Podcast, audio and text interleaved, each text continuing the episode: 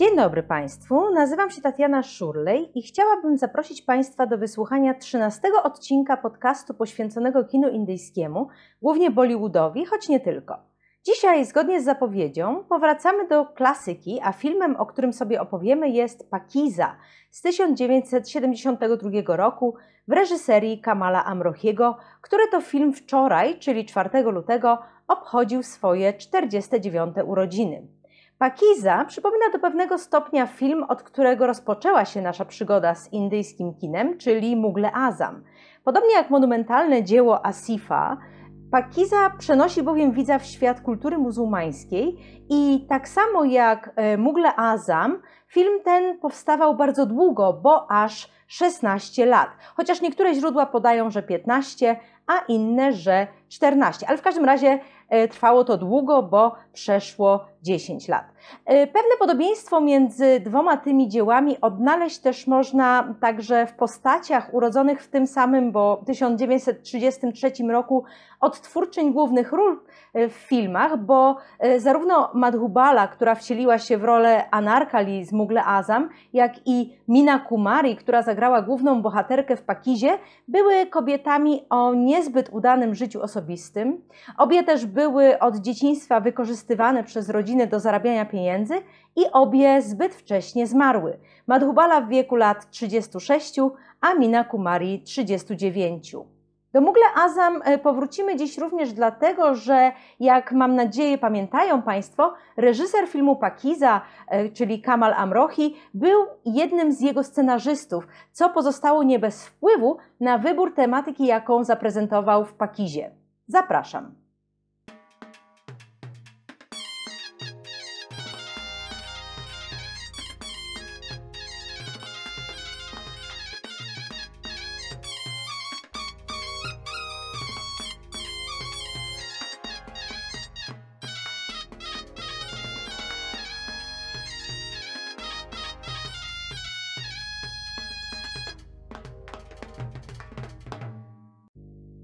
Pakiza zalicza się do tak zwanych filmów o kurtyzanach, które to dzieła są traktowane w Indiach jako osobny gatunek filmowy. Tak naprawdę jednak e, filmy o kurtyzanach, czy też e, filmy o tawaif, bo najczęściej opowiadają one o kurtyzanach muzułmańskich, są typowymi melodramatami, o czym wspominałam już w odcinku poświęconym Umrao Dzian. W przeciwieństwie jednak do innych tego typu dzieł, Pakiza nie kończy się tragicznie, a bohaterka opowieści zostaje żoną zabiegającego o jej względy mężczyzny, być może więc dlatego wielu badaczy wyklucza to dzieło z grupy filmów o kurtyzanach, które jako typowe melodramaty zwykle mają nieszczęśliwe zakończenie. Chociaż oczywiście nie całkowicie wyklucza, bo Pakiza o kurtyzanie opowiada, ale właśnie niekoniecznie jest klasycznym e, melodramatem.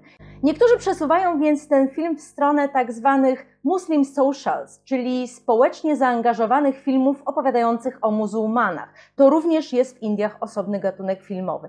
Ja się z tym przesunięciem do końca jednak nie zgadzam, ale jeszcze do tej kwestii wrócę. Zanim bowiem przejdziemy do rozważań o tym, do jakiej grupy można zaliczyć Pakizę, chciałabym pokrótce opowiedzieć Państwu, o czym jest ten film. Zacznijmy więc od tytułu. Słowo pakiza oznacza kobietę czystą, niewinną albo też cnotliwą i jest imieniem, jakie ukochany nadaje bohaterce filmu kurtyzanie o imieniu Sahib Jan. Jak więc Państwo widzą, Kamal Amrohi odwołuje się w swoim dziele do dość popularnego sposobu przedstawiania kobiet upadłych na ekranie jako tak naprawdę istot głęboko moralnych, mimo ich niegodnego zajęcia, któremu zresztą bardzo często oddają się one wbrew sobie. Film Amrochiego opowiada o dwóch kurtyzanach, matce i córce i chociaż opowieść skupia się na losach córki, postać matki jest dla filmu bardzo ważna. Starsza z kobiet, Nargis, w rolę której wcieliła się Mina Kumari, bardzo chce porzucić swoje dotychczasowe życie i czuje się nieszczęśliwa i upokorzona, wykonując zawód, który wzbudza u niej jedynie obrzydzenie. Postać ta jednak pojawia się jedynie na moment, dlatego widz niestety nie wie, czy Nargis została kurtyzaną z własnej woli, czy też może podobnie jak Ubrao Dzian została uprowadzona i sprzedana do domu publicznego, czyli przypominam do tak zwanej kotchy.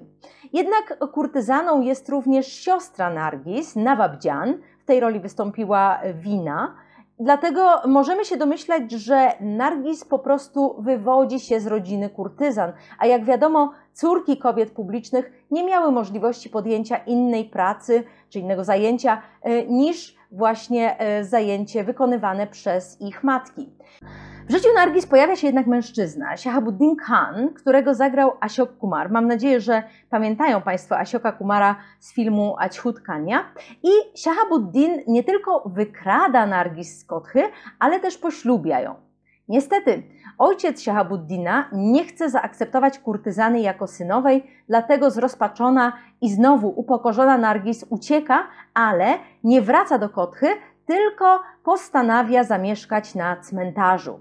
Jest to oczywiście ewidentny znak, że zraniona Nargis wewnętrznie umarła dla świata, co również stanowi dość typowy element filmów o kurtyzanach. Pamiętają Państwo, mam nadzieję, Umrao Dzian z filmu Datty, która również w pewnym momencie mówi o sobie, że jest jedynie ciałem zupełnie pozbawionym ducha, prawda? Żywym, można powiedzieć, żywym trupem. Chociaż oczywiście film Datty jest późniejszy niż Pakiza i można też e, domniemywać, że e, Datta zainspirował się dziełem Kamala Amrochiego. Na cmentarzu na świat przychodzi córka Nargis, a nieszczęśliwa matka jakiś czas później postanawia popełnić samobójstwo.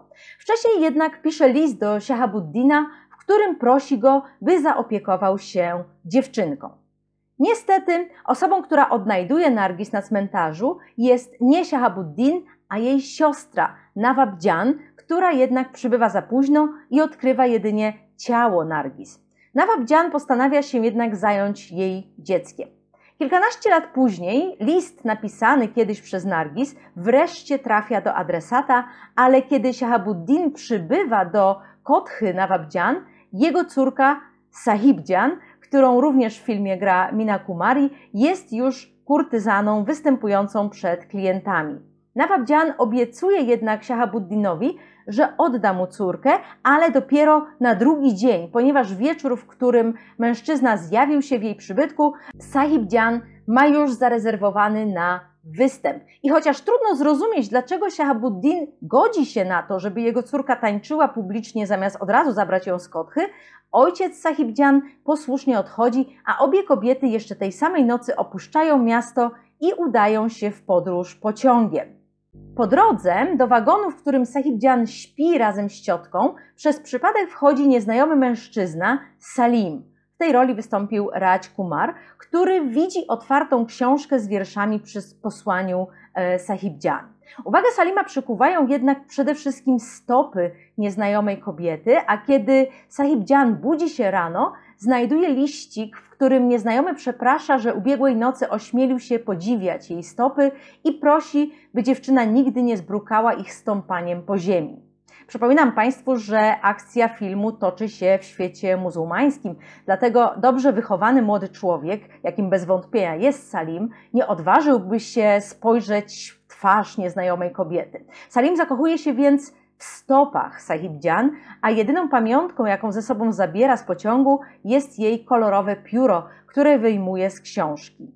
Sahib Dzian natomiast zakochuje się w nieznajomym mężczyźnie po tym, jak rano odczytuje jego list, bo jest to list miłosny, mimo że jest krótką wzmianką o czarujących stopach. Sahib Dzian z ciotką przybywają do innego miasta i tam kontynuują działalność, ale młoda kurtyzana staje się niespokojna, coraz częściej marząc o tajemniczym nieznajomym. Ponieważ jednak bohaterowie filmu są ewidentnie sobie przeznaczeni, Sahib Dzian i Salim spotykają się przypadkiem jeszcze dwukrotnie. Co więcej, okazuje się, że Salim jest krewnym Shahabuddina, czyli ojca Sahibdzian, który też kiedyś kochał kurtyzanę. Kiedy jednak i młody mężczyzna postanawia poślubić ukochaną, nie przejmując się jej statusem, Sahibdzian nie zgadza się, nie chcąc sprowadzić na Salima gniewu najbliższych. A wtedy rozżalony młodzieniec postanawia w odwecie ożenić się z inną, a Sahib Dzian zostaje poproszona o to, żeby zatańczyć na jego weselu. To również, jak mam nadzieję Państwo pamiętają, jest dość częstym motywem filmów o kurtyzanach. Mieliśmy podobną scenę w pakistańskiej wersji Umrao Dzian na przykład. Podczas uroczystości ciotka z rozpaczonej bohaterki wyjawia jednak zgromadzonym, kim tak naprawdę jest Sahibdzian, a Salim otrzymuje zgodę na jej poślubienie. Film kończy wiersz poety Iqbala i słowa Huda Hafiz, czyli z Bogiem, wypowiedziane przez samego reżysera dzieła. Jak już mówiłam, Kamal Amrohi był jednym ze scenarzystów filmu Mugle Azam, a kiedy prace nad monumentalnym dziełem Asifa zostały przerwane, postanowił sam przenieść opowieść na ekran i stworzyć film pod tytułem Anarkali. Kay Asif, reżyser Mugle Azam, pozwał go jednak do sądu o prawa autorskie i wygrał, dlatego Amrohi musiał tę pracę przerwać.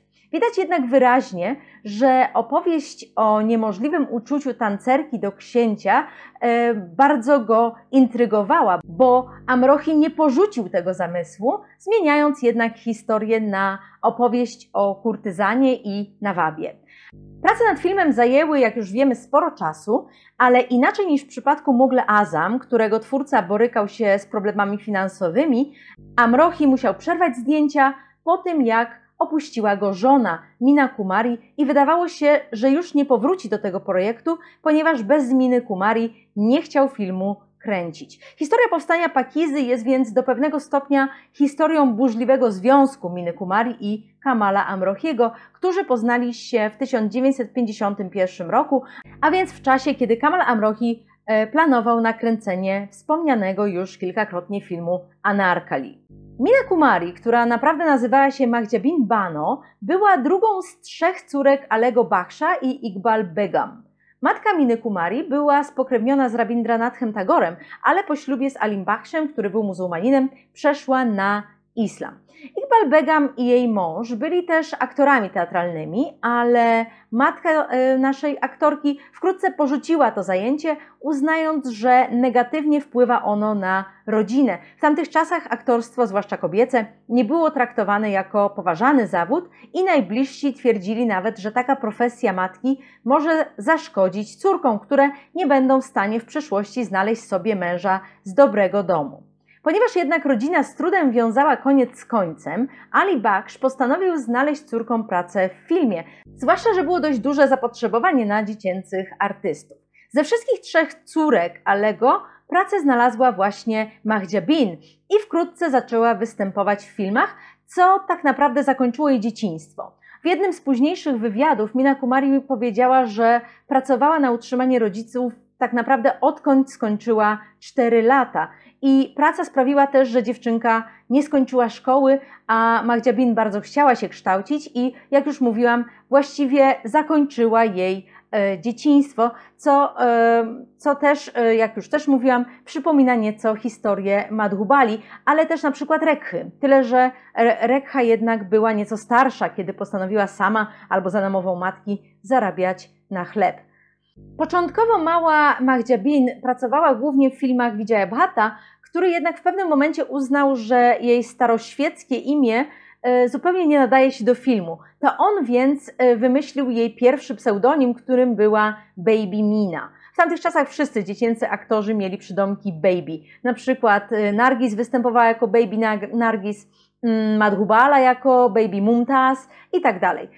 Kariery dziecięcych aktorów zwykle nie trwają jednak długo, co naturalne, dlatego w 1946 roku Baby Mina stanęła przed nie lada wyzwaniem, jakim było znalezienie roli odpowiedniej dla dziewczynki w jej wieku i utrzymanie się w branży. Wystąpiła jednak wtedy w filmie Baciąka Khel, który sam w sobie nie był dziełem udanym, ale sprawił, że dostrzegło ją dwóch ważnych reżyserów tamtych czasów, jakimi byli Homi Wadia i Kidar Sharma, a młoda Mina zaczęła otrzymywać coraz więcej ról i stawać się coraz bardziej widoczna w filmowym świadku. Po tym jak odrzuciła ze swojego przydomka człon Baby, została też Miną Kumari i ten pseudonim zachowała do końca życia. Mina Kumari dość wcześnie zainteresowała się Kamalem Amrohim, który po roku 1949 stał się niezwykle popularnym twórcą. W tym właśnie roku, czyli w 1949, e, Amrohi nakręcił film Mehel, który był ogromnym kasowym sukcesem. Młody mężczyzna był więc rozchwytywany w świecie filmowym, a ponieważ był przy okazji przystojny, oglądało się za nim wiele kobiet, mimo że Amrohi był już w tym czasie żonaty z Saidą al-Zehrą Mehmudi, która zresztą była jego drugą żoną, e, bo pierwsza zdążyła umrzeć. I miał z nią troje dzieci.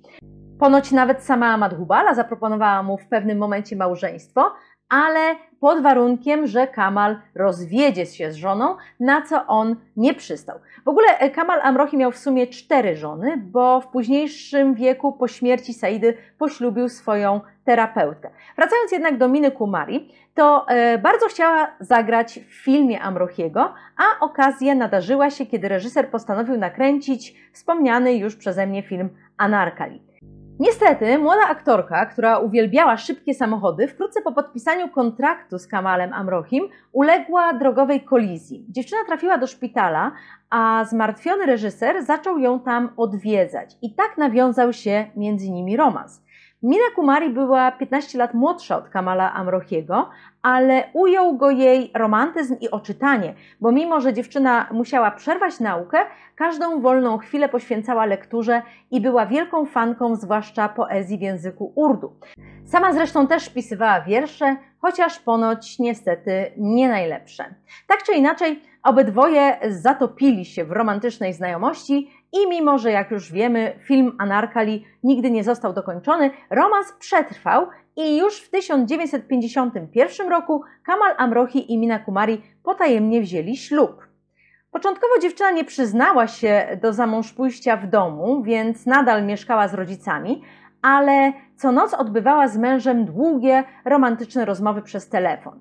Prawda wyszła na jaw rok później i wtedy Mina przeprowadziła się do męża. Podobnie jak ojciec Miny, Ali Baksh, który nie był zachwycony jej e, ślubem, również żona Kamala Amrochiego Saida nie przyjęła dobrze wiadomości o drugim małżeństwie swojego męża. Kamal odesłał ją więc z Bombaju do swojej rodzinnej miejscowości, która nazywa się Amroha. E, to zresztą od niej Kamal Amrohi przybrał swój pseudonim, bo tak naprawdę nazywał się Said Amir Haider Kamal Nakwi i Saida spędziła w tej miejscowości e, praktycznie całe życie. Zdjęcia do filmu Pakiza rozpoczęły się w 1956 roku, a niektóre źródła podają, że w 1957.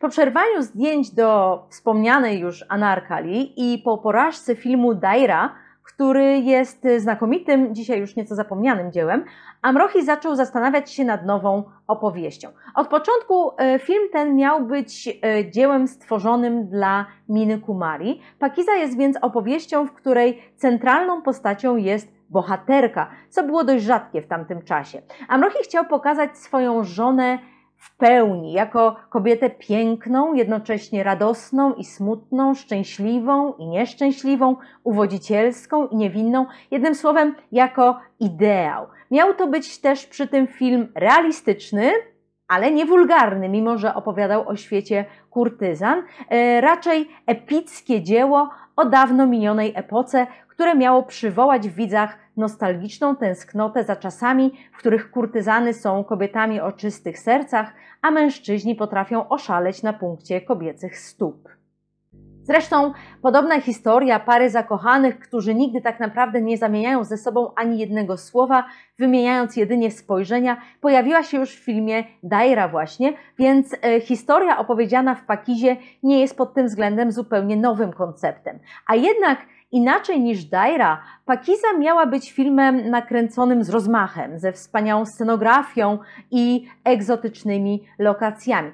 Co jednak ciekawe, od początku widać też w tym pomyśle pewną, być może nawet podświadomą, ale jednak rywalizację z Kay Asifem i jego Mugle Azam.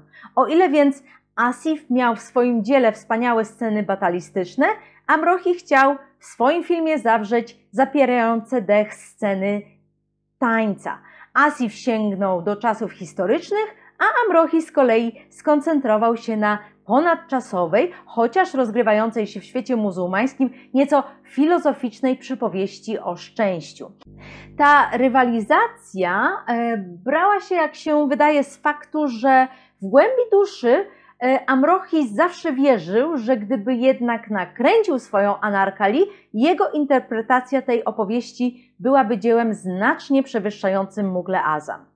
No cóż, byłaby czy by nie była, tego już się nie dowiemy, ale możemy stwierdzić, że Pakiza, mimo że jest filmem bardzo interesującym, jednak Mugle Azam nie dorównuje. Wydaje się wręcz, że czegoś temu filmowi tak naprawdę brakuje, ale być może Amrohi nie mógł w pełni rozwinąć skrzydeł po tym, jak powrócił do tego filmu po tylu latach, bo wiele się już wtedy zmieniło, a przede wszystkim zmianie uległy jego stosunki z Miną Kumari. Małżeństwo Kamala z Miną zaczęło mieć pewne problemy już w 1956 roku, kiedy zdjęcia do filmu Pakiza się rozpoczęły. Gdy się poznali, to Mina Kumari była początkującą aktorką, a on uznanym reżyserem. W ciągu pięciu lat jednak sytuacja uległa bardzo poważnej zmianie i to Mina zaczęła stawać się bardziej popularna od męża, co musiało być dla niego trudne. Poza tym na jaw wyszła pewna niedojrzałość Miny, która była młodsza od swojego partnera i o ile sama różnica wieku o niczym nie świadczy, bo istnieje przecież wiele par, które świetnie się dogadują, e, mimo że dzieli ich wiele lat, jednak romantyczna Mina myślała, że jej życie po ślubie będzie przypominało czasy uroczych rozmów o poezji, jakie toczyła z Amrochim najpierw w szpitalu, a później podczas długich rozmów telefonicznych.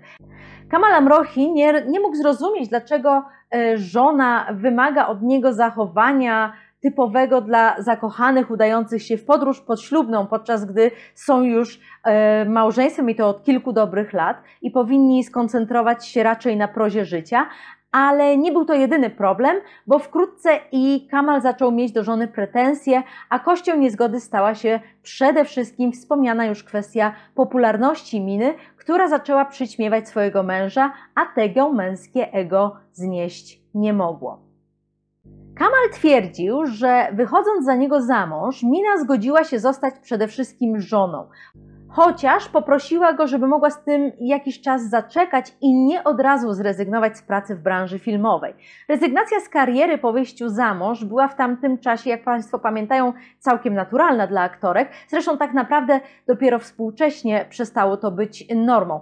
Ale nie ma w tym nic dziwnego, że e, Mina Kumari nie chciała tak szybko odchodzić z branży, bo pamiętajmy, że kiedy wychodziła za mąż, jej kariera nie zdołała się jeszcze w pełni rozwinąć, więc trudno się było spodziewać, że z niej zrezygnuje. Chociaż znane są i takie przypadki, e, na przykład Dimple Kapadia, gwiazda filmu Bobby, która wyszła za mąż w jeszcze młodszym wieku niż Mina Kumari, również za starszego od siebie mężczyznę, zakończyła dla niego karierę, e, czego później zresztą bardzo żałowała.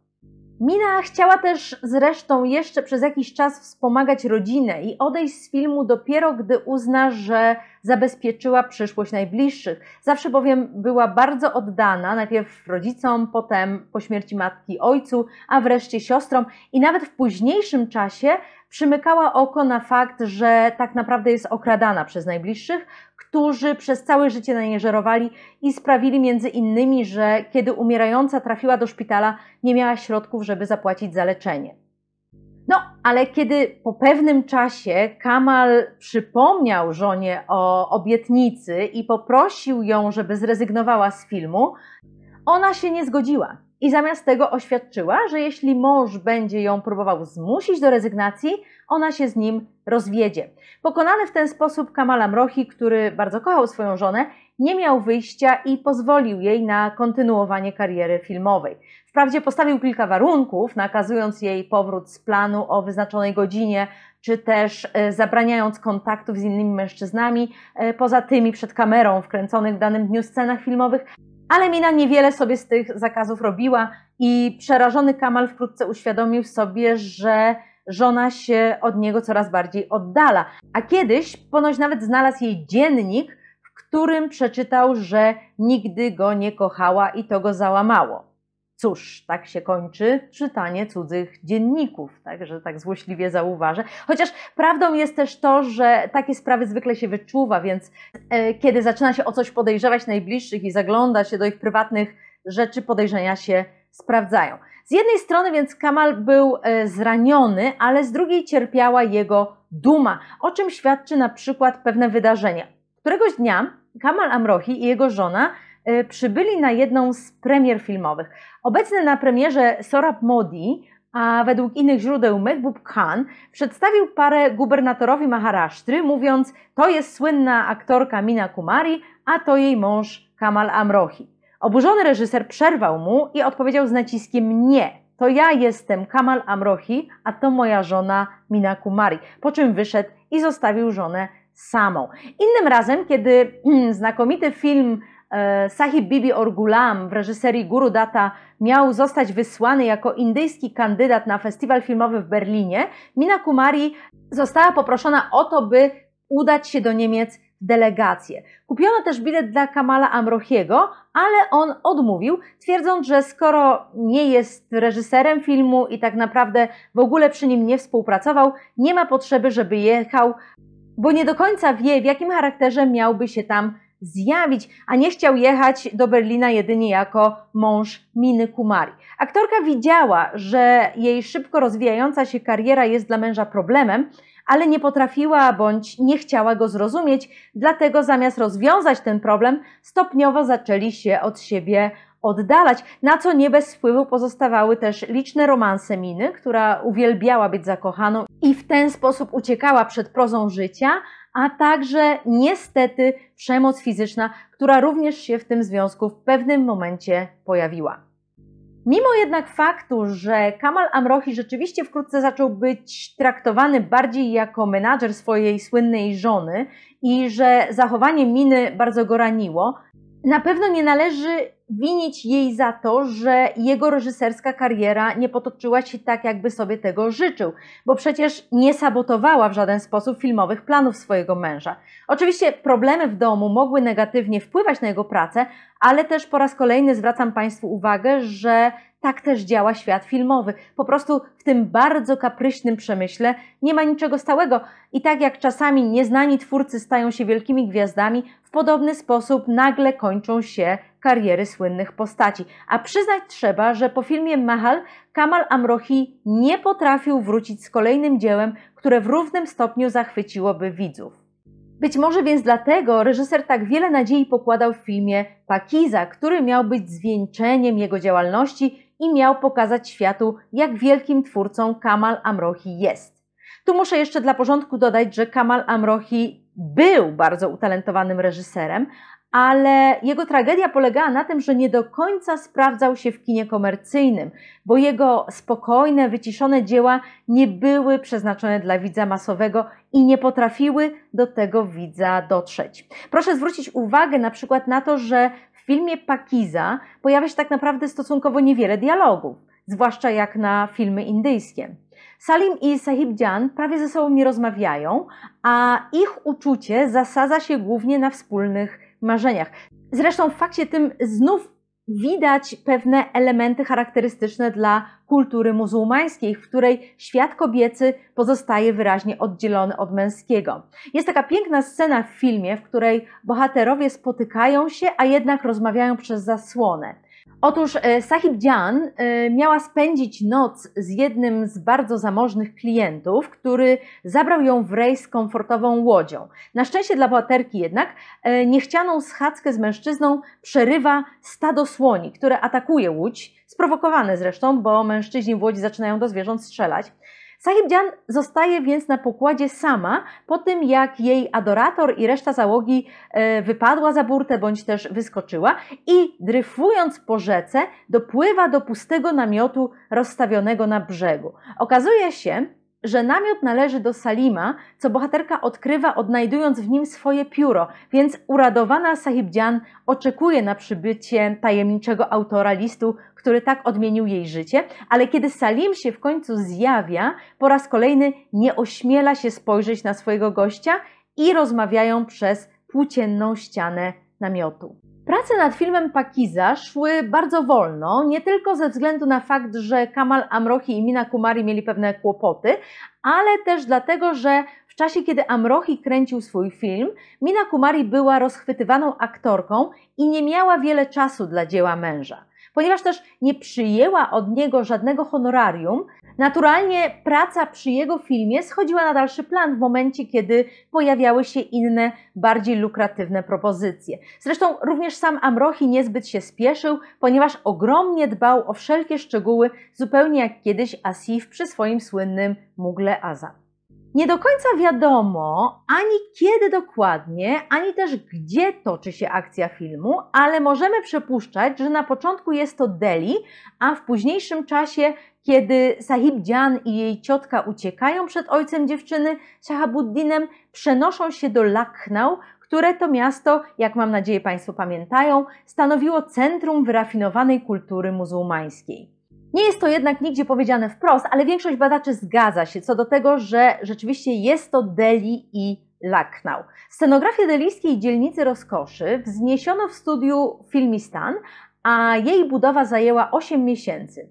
Efekt zachwyca podczas pierwszego występu Sahibjan, śpiewającej piosenkę Inhi Logomne. Widzimy w niej tańczącą na pierwszym planie bohaterkę, a w tle cały żywy, pulsujący organizm dzielnicy rozkoszy z ludźmi idącymi ulicami, pracującymi w swoich warsztatach, a przede wszystkim z licznymi domami uciech, w których inne kobiety w podobny sposób zabawiają swoich klientów. Widać tam też na przykład, jak pijany klient jest wyrzucany z jednego z przybytków, jak ktoś na ulicy rzuca stojącej w oknie kurtyzanie tajemniczy podarunek i tak dalej. Uwielbiam powracać do tej piosenki i odkrywać, co tam jeszcze ciekawego dzieje się w tle, do czego również Państwa zachęcam. 30 lat później podobną scenę, chociaż nie tak dopracowaną, pokazał zresztą e, Sanjay Lila Bhansali w swoim Devdasie, kiedy w jednej z piosenek kurtyzana Chandramukhi wychodzi na zewnątrz swojego przybytku, a w tle widać inne rozświetlone kotchy i ich mieszkanki. Ale scena e, u Hansalego to jest taka zaledwie migawka, natomiast e, u Amrochiego możemy się naprawdę rozkoszować tym całym tłem i tym, co się tam dzieje.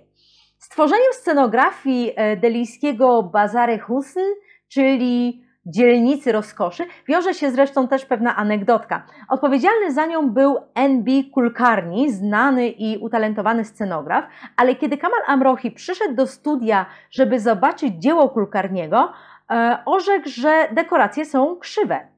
Kulkarni ogromnie się obruszył, bo w końcu był fachowcem, a tu przychodzi reżyser, ledwie rzuca okiem i wygłasza tak brutalną ocenę, ale Omrochi się upierał, że jest krzywo. Kulkarni zgodził się w końcu zmierzyć dekorację, ale zagroził, że odejdzie z branży, jeśli rzeczywiście popełnił taki błąd. Okazało się, że owszem, popełnił i dekoracje były krzywe, ale na szczęście Kamal Amrohi zatrzymał krewkiego artystę i bardzo dobrze, bo Kulkarni otrzymał nagrodę Filmfare za scenografię do Pakizy, jedyną zresztą statuetkę Filmfare, jaką ten film dostał. Kiedy akcja filmu przenosi się do Lucknow, toczy się przede wszystkim w Gulabi Mahal, czyli różowym pałacu, który Nawabdzian kupuje.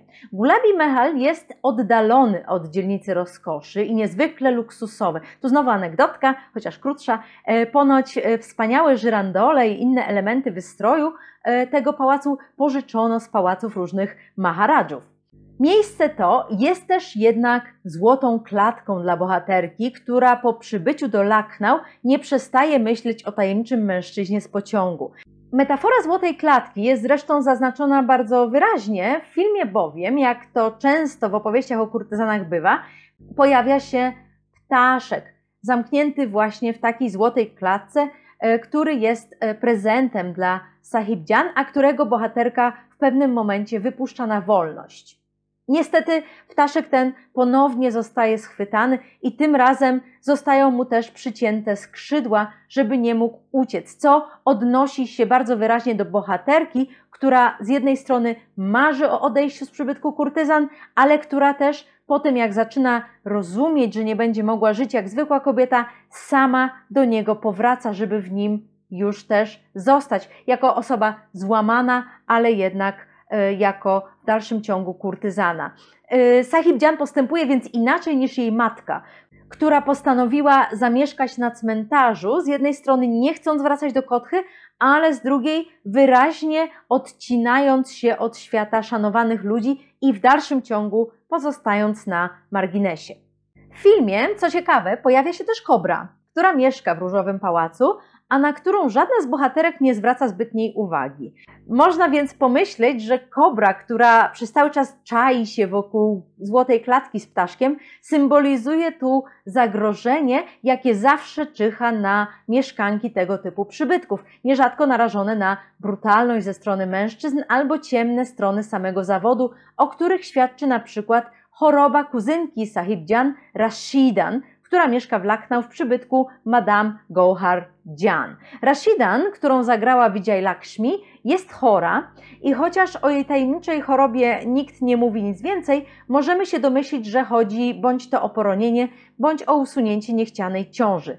Rashidan zatem, mimo młodego wieku, jest już osobą dość nieprzyjemnie doświadczoną przez los. Skoro już jesteśmy przy metaforach, wspomnę o jeszcze jednym elemencie, chociaż pojawiają się e, w filmie dodatkowo dwie, tyle że porównanie do zerwanego ze sznurka latawca, jakie również zostaje przywołane e, w filmie, nie wymaga dodatkowych wyjaśnień, bo Sahib Dzian sama tłumaczy, na czym ono polega. Ale warto powiedzieć kilka słów o dzwoneczkach. Wspomniana Rashidan, która ma za sobą przykre doświadczenia, nie jest tak romantyczna jak Sahib Dzian, Dlatego dziewczyna brutalnie rozwiewa nadzieję kuzynki poetycznie zakochanej w nieznajomym, mówiąc, że zakochując się w jej stopach, Salim tak naprawdę nie wiedział, czyje są to stopy, bo nie widział na nich dzwoneczków. Rashidan odnosi się tutaj do bardzo częstego odwołania pojawiającego się w opowieściach o kurtyzanach, o ile bowiem stopy kobiet zamężnych czy też cnotliwych zdobią tak zwane pajale, czyli bransolety, na nogach kobiet zabawiających mężczyzn tańcem zawiązane są dzwoneczki, które wydają dźwięk przy każdym tupnięciu. Mimo, że i pajal czasami może być ozdobiony maleńkimi dzwoneczkami, to jego dźwięk nie przynosi kobiecie ujmy, podczas gdy dzwoneczki tancerek są już swoistym piętnem. Zatem, nawet jeśli śpiąca w pociągu Sahib Dzian miała na nogach pajal, nie zmienia to faktu, że ozdobą jej przynależącą są właśnie dzwoneczki, bo o ile kurtyzana może pajal założyć, kobieta porządna nigdy nie zawiązałaby na nogach dzwoneczków.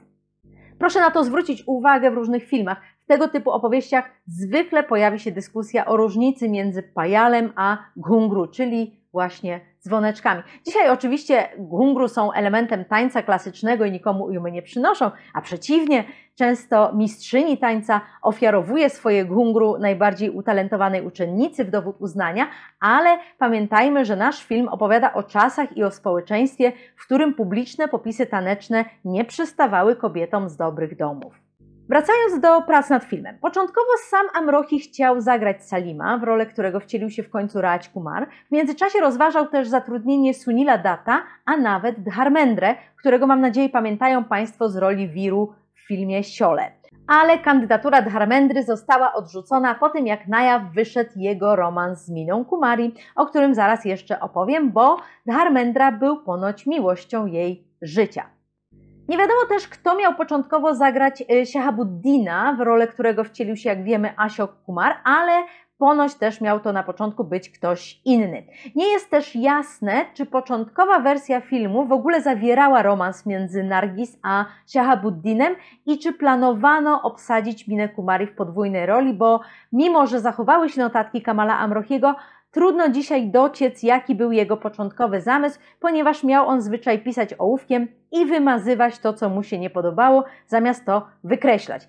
Film też e, miał być e, czarno-biały, ale e, w trakcie trwania prac nad dziełem Amrochi zmienił zdanie i mimo, że część zdjęć już nakręcono, postanowił jednak nakręcić swój film w kolorze i wybrał do tego CinemaScope i zaczął pracę od początku. W roku 1963 Mina Kumari była u szczytu sławy. Świadczy o tym m.in. fakt, że kiedy ogłoszono nominację do nagrody Filmfare za rok 1962, Mina Kumari otrzymała aż trzy za rolę w Sahib Bibi w Arti i w Meciu Prahungi. Nagrodę otrzymała za Sahib Bibi Orgulam. Piękny film, który Państwu gorąco polecam. Rok później, e, w 1964 natomiast, Mina odeszła od męża, a to sprawiło, że prace nad Pakizą zostały przerwane. W tym też mniej więcej czasie zaczęły się jej problemy z alkoholem. I tu znowu, niektórzy winą za alkoholizm aktorki obarczają jej nieudany związek z Dharmendrą, uważając wręcz, że wykorzystał on wpływy Miny Kumari, żeby zrobić karierę, a później ją porzucił. Chociaż nie zapominajmy, że Dharmendra był żonaty, a ponieważ nie jest muzułmaninem, nie mógł mieć więcej niż jednej żony, więc od początku wiadomo było, że nie zwiąże się na poważnie z Miną Kumari. Zresztą Mina Kumari też nigdy nie rozwiodła się y, z Kamalem Amrohim, chociaż ona oczywiście mogła. Inni twierdzą, że winę za chorobę alkoholową ponoszą y, problemy Miny y, ze snem, na które lekarz przepisał jej, w cudzysłowie, szklaneczkę brandy wieczorem. W późniejszym czasie ze szklaneczki zrobiła się butelka, a nawet i więcej, i niestety doprowadziło to do śmierci aktorki. Jak to się stało w ogóle, że alkohol zabił ją w ciągu niecałych 10 lat, a tak naprawdę wyniszczył ją w przeciągu lat trzech, bo poważnie chora zaczęła być w 1968 roku. Cóż, mogła mieć po prostu słabe zdrowie, ale też twierdzi się, że winni są jej krewni, z którymi Mina mieszkała po tym, jak odeszła od męża, a którzy w ramach oszczędności dostarczali jej tani i bardzo złej jakości alkohol, mimo że to ona za niego płaciła. Ale jak już mówiłam, rodzina ją regularnie okradała. Mina Kumari była zaś w pewnym momencie już w tak złym stanie, że mm, nie liczyło się dla niej co pije, ważne było, że miała dostarczoną butelkę. Niecałe dwa miesiące po premierze filmu Pakiza Mina Kumari zmarła, a przyczyną jej śmierci była marskość wątroby. Nie była zresztą jedyną gwiazdą zmagającą się z tym problemem, bo ofiarą alkoholu padła też na przykład śpiewaczka Gita Dat, a także aktor Shailendra, e, aktor i śpiewak Kundan Lal Saigal, o którym mówiłam w odcinku poświęconym Devdasowi, czy też kompozytor Jai Kishen. Być może też dlatego za najbardziej ikoniczną filmową kreację Miny Kumari uważa się jej rolę w filmie Sahib Bibi Orgulam, w którym zagrała kobietę e, uzależnioną od alkoholu. Kiedy więc Mina Kumari wróciła do filmu Pakiza w 1969 roku, nie była już niestety tą samą osobą co kiedyś, a choroba alkoholowa poczyniła znaczne spustoszenie w jej organizmie. Mina Kumari przytyła, była bardzo słaba, poruszała się z trudem, a jej twarz była wyraźnie opuchnięta. Jeśli przypatrzą się Państwo filmowi, to łatwo Państwo zauważą, które sceny zostały nakręcone w późniejszym czasie. Oczywiście wiadomo, Mina była też starsza, więc różniła się od swojego wcześniejszego filmowego ja, ale widać w wielu momentach, że nie jest zdrowa. Musiano też kilka razy zastąpić ją dublerką, między innymi w kluczowej dla opowieści scenie, w której Salim po raz pierwszy spotyka Sahib Jan w pociągu i podziwia jej stopy. Również y, szalony taniec w finale filmu nie mógł niestety zostać wykonany przez słabą Minę Kumari, dlatego i tutaj zastąpiono ją inną aktorką, Padmą Khanną. W scenie tej y, Sahib Jan, jak Państwo pamiętają, miała zatańczyć na ślubie Salima, co jest, jak już mówiłam, dość typowym upokorzeniem filmowych kurtyzan. Zrozpaczona bohaterka w pewnym momencie zachowuje się jednak, jakby postradała zmysły i w rozpaczy, ale też wściekłości przewraca jeden ze szklanych kandelabrów i zaczyna jak w transie tańczyć na rozbitym szkle, raniąc sobie dotkliwie bose stopy.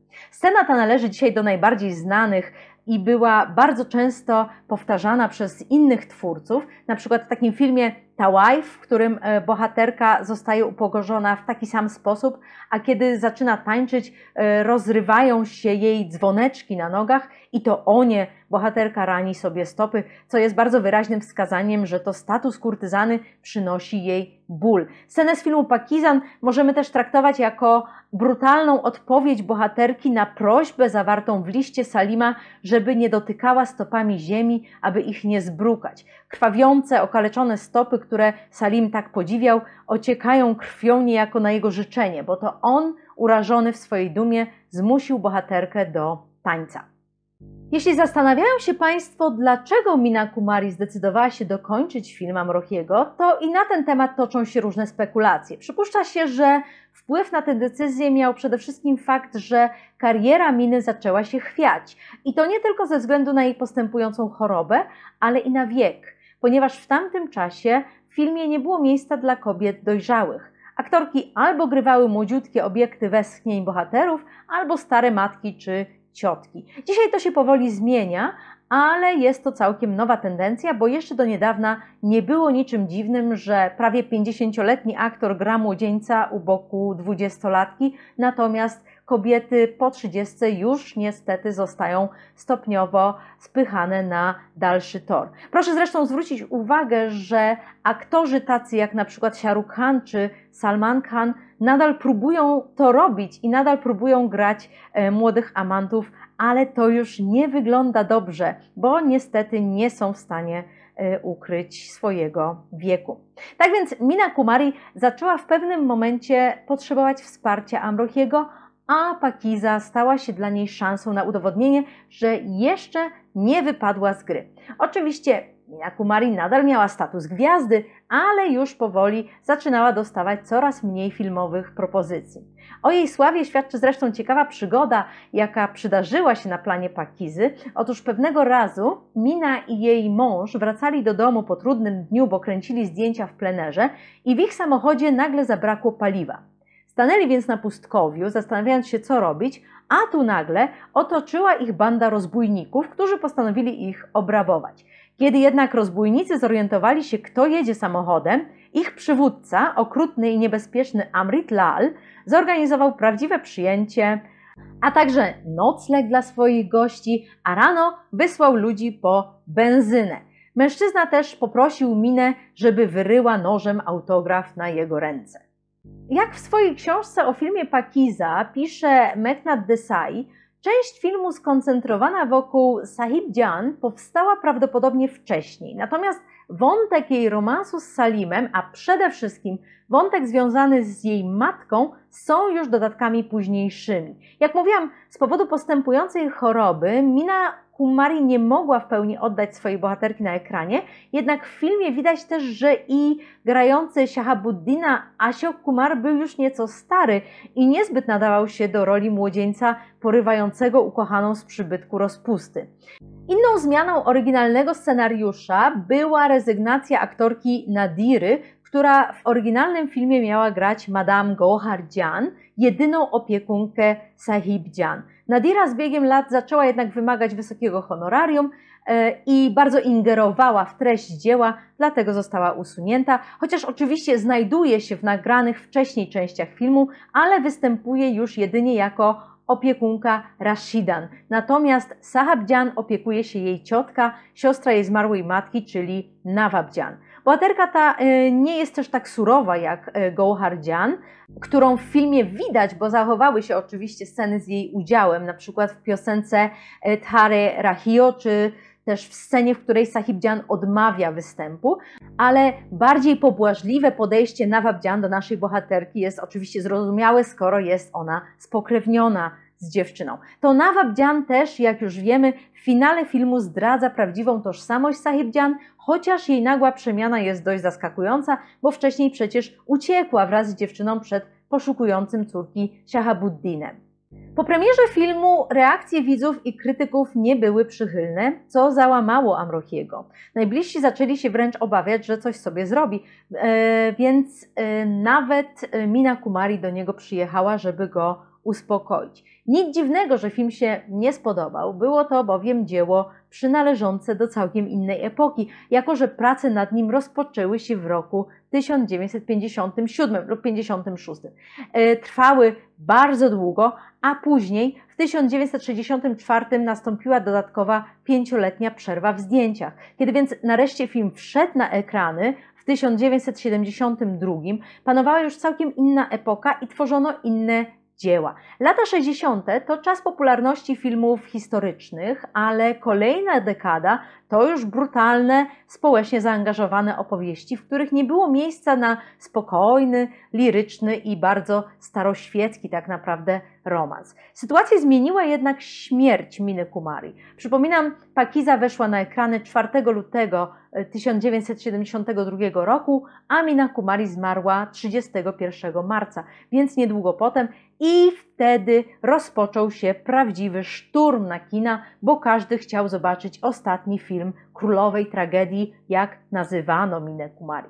Złośliwi do dzisiaj twierdzą nawet, że film odniósł sukces tylko dlatego, że Mina zmarła wkrótce po jego premierze, a nawet uważają, że Amrochi specjalnie wyznaczył datę premiery na luty 1972 roku, czując, że jego żona nieuchronnie zbliża się do śmierci. Chociaż trudno tak naprawdę traktować tę teorię poważnie, bo skąd niby miał to wiedzieć. Nie wydaje mi się też, że prawdą jest to, e, że popularność e, filmu wiązała się jedynie ze śmiercią e, Miny Kumari, bo gdyby rzeczywiście popularność Pakizy była efektem takiej krótkotrwałej histerii po śmierci słynnej aktorki, film ten nie należałby dzisiaj do klasyków kina indyjskiego, a należy. Jeżeli spojrzymy sobie na przykład e, na to, jaki film był wielkim wygranym podczas ceremonii rozdania nagród Filmfare w 1973 roku, to przekonamy się, że był nim film Bayman, o którym dzisiaj wcale nie jest tak głośno i którego nie znajdziemy na listach najsłynniejszych dzieł indyjskich. A Pakize która e, w tym samym roku została nominowana w zaledwie kilku kategoriach i otrzymała tylko jedną nagrodę Filmfare, Owszem, dzisiaj ciągle odnajdujemy na różnych listach e, najważniejszych dzieł filmowych, więc złośliwi naprawdę nie mają tutaj moim zdaniem racji. Film Amrochiego kończy bardzo ciekawa scena. Kiedy procesja ślubna wychodzi z kotchy, zabierając ze sobą Sahib Jan, widzimy w drzwiach innego przybytku kolejną młodą kurtyzanę, która tęsknie spogląda za odchodzącymi. Prawdopodobnie jest to inna Pakiza, dziewczyna o czystym sercu, która też nie chce mieszkać w złotej klatce i która również czeka na swojego wybawiciela. Jest to też jednak, myślę, swoiste pożegnanie ze światem, o którym film opowiada, a który już nie istnieje, bo o ile oczywiście prostytucja nadal w Indiach kwitnie, to kurtyzan i ich wyrafinowanych klientów raczej we współczesnych dzielnicach rozkoszy nie odnajdziemy. Jak już mówiłam, e, niektórzy badacze, w tym Megnat Desai, zaliczają film Pakiza do gatunku tzw. Tak Muslim Socials, czyli społecznie zaangażowanych filmów o muzułmanach. Jeśli jednak rzeczywiście uznalibyśmy to za celną kategoryzację, musielibyśmy zgodzić się, że Pakiza opowiada o czasach po uzyskaniu przez Indię niepodległości. A tymczasem tak naprawdę nie wiemy, kiedy akcja tego filmu się rozgrywa. Historie przedstawiane w filmach zaliczanych do Muslim Socials zwykle opowiadają o trudnym losie indyjskich muzułmanów po podziale Indii i utworzeniu Pakistanu. Bohaterowie takich filmów, indyjscy muzułmanie, czują się całkiem słusznie obywatelami Indii, ale ze względu na decyzję polityczną, na którą nie mieli wpływu, a wiemy, że wielu indyjskich muzułmanów opowiadało się przeciwko utworzeniu Pakistanu, zostają nagle uznani za zdrajców i obywateli drugiej kategorii. Mimo więc, że nadal mieszkają w Indiach, nie są e, już poważani, a przeciwnie, bardzo często traktuje ich się źle. I o tym zwykle opowiadają tego typu filmy. Tymczasem film Pakiza nie opowiada takiej historii, a jest bardziej nostalgicznym dziełem przenoszącym nas w dawne czasy muzułmańskiej świetności, mimo że nie historycznym, bo jak już mówiłam, nie wiemy, kiedy akcja dokładnie się rozgrywa. Kamal Amrohi zastosował jednak w swoim filmie bardzo ciekawe rozwiązanie, być może zupełnie nieświadomie, nie wiem, ale biorąc pod uwagę, jak pedantycznie podchodził do swojego dzieła, nie wydaje mi się, żeby był to przypadek. Otóż sceny rozgrywające się przede wszystkim w Kothach, ale i krótkie epizody z posiadłości rodziny Salima zdają się przenosić widza w dawne czasy, niemalże do XIX wieku. Widać tam na przykład przede wszystkim płonące świece, bohaterowie piszą piórem, podróżują bryczkami zaprzęgniętymi w konie lub e, są niesieni przez służących e, w lektykach. E, stroje również nie należą do współczesnych i tak dalej. Ale kiedy na przykład oddali, poza różowym pałacem, widać przejeżdżający pociąg, na tle nieba rysują się linie wysokiego napięcia, a sam pociąg jest pojazdem raczej współczesnym. Aktualność tę widać y, również w scenie, w której bohaterka niemal ginie na torach. To nie są tory z dawnych czasów, a nawet z czasów tuż powojennych, tylko są również współczesnymi torami charakterystycznymi dla czasów, e, w których e, film został nakręcony. Zresztą proszę też zwrócić uwagę na strój, jaki w tej scenie ma na sobie Salim. To jest strój bardzo współczesny. Podobnie przedstawiają się pewne elementy widziane w miasteczku, takie jak pojawiający się nagle samochód, przechodzące ulicą dziewczęta w ciemnych okularach, czy po raz kolejny natarczywie obecne linie wysokiego napięcia. Wchodząc do Kotchy, czy do dzielnicy rozkoszy, a nawet do tradycyjnej posiadłości muzułmańskiej, odbywamy więc niejako podróż w czasie do miejsc, które już dawno przestały istnieć, a cały film nabiera nieco onirycznego i takiego mm, baśniowego charakteru. Nic dziwnego, w końcu Kamal Amrohi zasłynął jako twórca pierwszego indyjskiego horroru, czy też filmu gotyckiego, jakim był wspomniany Mahal. I w tym filmie, czyli filmie Mahal, też bardzo wyraźnie widać to przejście ze świata realnego, współczesnego do tajemniczej posiadłości, yy, przekroczenie progu której przenosi nas w świat baśni. Podobieństwo do filmu Mahal widać też w innym motywie Pakizy, bo za każdym razem, kiedy bohater e, właśnie Mahal słyszy zegar wybijający godzinę drugą w nocy, zaczyna go dręczyć powracający wizerunek tajemniczej kobiety, która staje się jego obsesją. W filmie Pakiza natomiast takim sygnałem jest gwizd przejeżdżającego w oddali pociągu, który również staje się swoistą obsesją głównej bohaterki tego dzieła. Pakiza opowiada o kurtyzanie, nie możemy więc pominąć muzyki, która jest tu bardzo ważna. Sahib Jan występuje przed klientami i widzami cztery razy. W pierwszej piosence, wspomnianej już Inhilogone, śpiewanej jeszcze w Delhi, zanim bohaterka otrzymała list od nieznajomego, Sahib Jan jest radosna i z przyjemnością flirtuje z zebranymi wokół niej mężczyznami. Dziewczyna nie jest ani zawstydzona, ani niechętna występowi, a słowa piosenki mówiące o zabraniu jej szala mają wyraźnie erotyczny podtekst. Zerwanie szala oznacza odkrycie kobiecych wdzięków, jest więc bardzo częstym elementem różnych filmowych piosenek. Zresztą tańcząc, Sahib Dzian co róż to zakrywa, to odkrywa twarz, a także kokieteryjnie zarzuca szal na niektórych słuchaczy lub ich nim muska, jakby zapowiadając klientom, co może się jeszcze wydarzyć tej nocy. Przeciwieństwie bowiem do swojej matki, Nargis, Sahib Dzian nie wydaje się nieszczęśliwa z powodu swojej profesji, ale może i Nargis na początku czerpała z niej radość i zmieniła się dopiero pod wpływem miłości do Shahabuddina, tak jak Sahib Jan zmieni się pod wpływem uczucia do Salima. Tego nie wiemy. W drugim utworze, Thare Rahio, wykonanym w Różowym Pałacu, Sahib Jan opowiada o przygotowaniach kobiety na spotkanie z kochankiem. Na przykład w pewnym momencie Sahib Jan przegląda się w wielkim basenie jak w lustrze i e, tańcząc wykonuje gesty mające sugerować nakładanie makijażu i biżuterii. Utwór ten jest wolniejszy i bardziej drażniący zmysły zebranych słuchaczy, bo słowa piosenki wyraźnie dają do zrozumienia, że kochanek, na którego czeka Sahib Dzian, jest niekoniecznie jednym z gości Różowego Pałacu.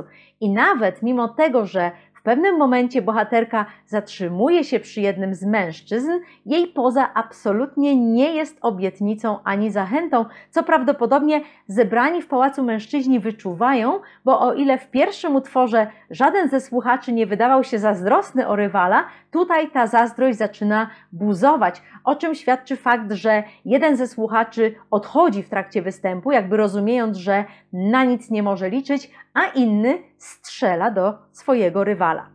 Sytuacja zmienia się jeszcze bardziej podczas kolejnego utworu Cialte Cialte, który Sahib Dzian wykonuje już tylko dla jednego z klientów, Zafara Alego Khana, pragnącego zostać jej jedynym patronem. Ta piosenka ma nieco żywsze tempo niż poprzednia i wydaje się, że Sahib Dzian ponownie jest w uwodzicielskim nastroju, ale wyraźnie nasza bohaterka ma tu już na myśli kogoś innego niż słuchający jej mężczyzna. Zresztą e, sama Sahibdzian niewiele w tym utworze tańczy, e, a taniec wykonują raczej towarzyszące jej dwie e, dziewczyny, a ona raczej siedzi, a później nawet jak wstaje, to jednak częściej odwraca się plecami do Zafara i zdaje się od niego odchodzić.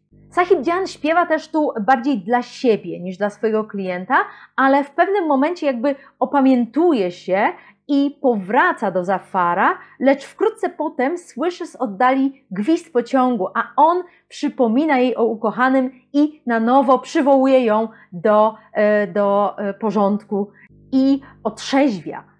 W tej piosence e, Sahib Jan jest już wyraźnie nieszczęśliwa, bo wie, że niedługo będzie musiała prawdopodobnie spędzić noc z Zafarem Alim Khanem, a tego nie chce. Jest to też jej ostatni publiczny występ, poza oczywiście finałowym tańcem na weselu Salima, bo kolejnej piosenki już nie zaśpiewa, odchodząc bez słowa od zgromadzonych mężczyzn, a utwór finałowy będzie pełnym rozpaczy występem, o czym już mówiłam. Kompozytorem muzyki do filmu był Gulam Muhammad, którego wybór odradzano Amrochiemu, ponieważ był to kompozytor tworzący dzieła bardzo klasyczne. Jednak to właśnie to się bardzo reżyserowi spodobało i to dlatego zatrudnił Gulama Mohammada. Niestety kompozytor ten nie doczekał premiery filmu, bo zmarł jeszcze w 1968 roku, ale na szczęście zdążył skomponować wszystkie piosenki, a Noushad, który zajął się muzyką po wznowieniu zdjęć, skomponował jedynie melodie wykorzystane w tle, inspirując się zresztą tymi z utworów Gulama Mohammada, które w końcu nie znalazły się w filmie, bo nie wszystkie jego piosenki zostały wykorzystane. Historia Gulama Mohammada jest zresztą bardzo smutna, bo zmarł on praktycznie w zapomnieniu i w strasznej biedzie, nie wiedząc, że wkrótce jego kompozycje będą tak popularne, po tym, kiedy Pakiza stanie się filmem bardzo słynnym. Pamiętają Państwo, e, być może, mam nadzieję, e, jak mówiłam, że aktor Pran odmówił kiedyś przyjęcia nagrody Filmfare? Otóż zrobił to właśnie w 1973 roku w akcie protestu, bo nie zgadzał się z werdyktem jury, które nie przyznało Filmfare Gulamowi Mohammadowi za muzykę do filmu Pakiza właśnie. Szacowne grono tłumaczyło, że statuetki Filmfare nie są przyznawane pośmiertnie, ale y, to nie przekonało Prana, który słusznie stwierdził, że skoro Gulam Mohammad mógł być nominowany do tej nagrody, to dlaczego nie mógł jej otrzymać? Y, innym artystą, który nie doczekał premiery filmu, y, był też kamerzysta Józef Wershing, który umarł w 1967 roku. Józef Wershing był Niemcem, i pracował w wytwórni Bombay Talkies. Pamiętają Państwo, mam nadzieję, jak opowiadałam o ciekawej indyjsko-niemieckiej współpracy filmowej. Y, I Wershing poznał Kamala Amrochiego na planie filmu Mahal, bo film Mahal był właśnie y, kręcony dla wytwórni Bombay Talkies. Jak Państwo słyszą, o filmie Pakiza można opowiadać i opowiadać, ale nie chcę się za bardzo rozgadywać i na tym już chyba skończę, bo i tak odcinek ten wyszedł bardzo, bardzo długi. E, jeśli nie widzieli Państwo jeszcze tego filmu, proszę go zobaczyć. Zachęcam też Państwa do obejrzenia filmu Mahal, o którym też na pewno kiedyś opowiem, a także do zapoznania się z dziełem Sahib Bibi or Gulam. Zachęcam do tego między innymi e, ze względu na fakt, że z reżyserem tego filmu, czyli z Gurudatem, spotkamy się w następnym odcinku, ale nie będziemy wtedy omawiać filmu Sahib Bibi Orgulam, tylko jego najsłynniejsze dzieło, jakim jest film Piasa, uznawany dzisiaj za jeden z najważniejszych indyjskich filmów, jakie kiedykolwiek powstały, więc myślę, że zapowiada się ciekawy odcinek, na który oczywiście zapraszam. A dzisiaj już Państwu dziękuję i do usłyszenia.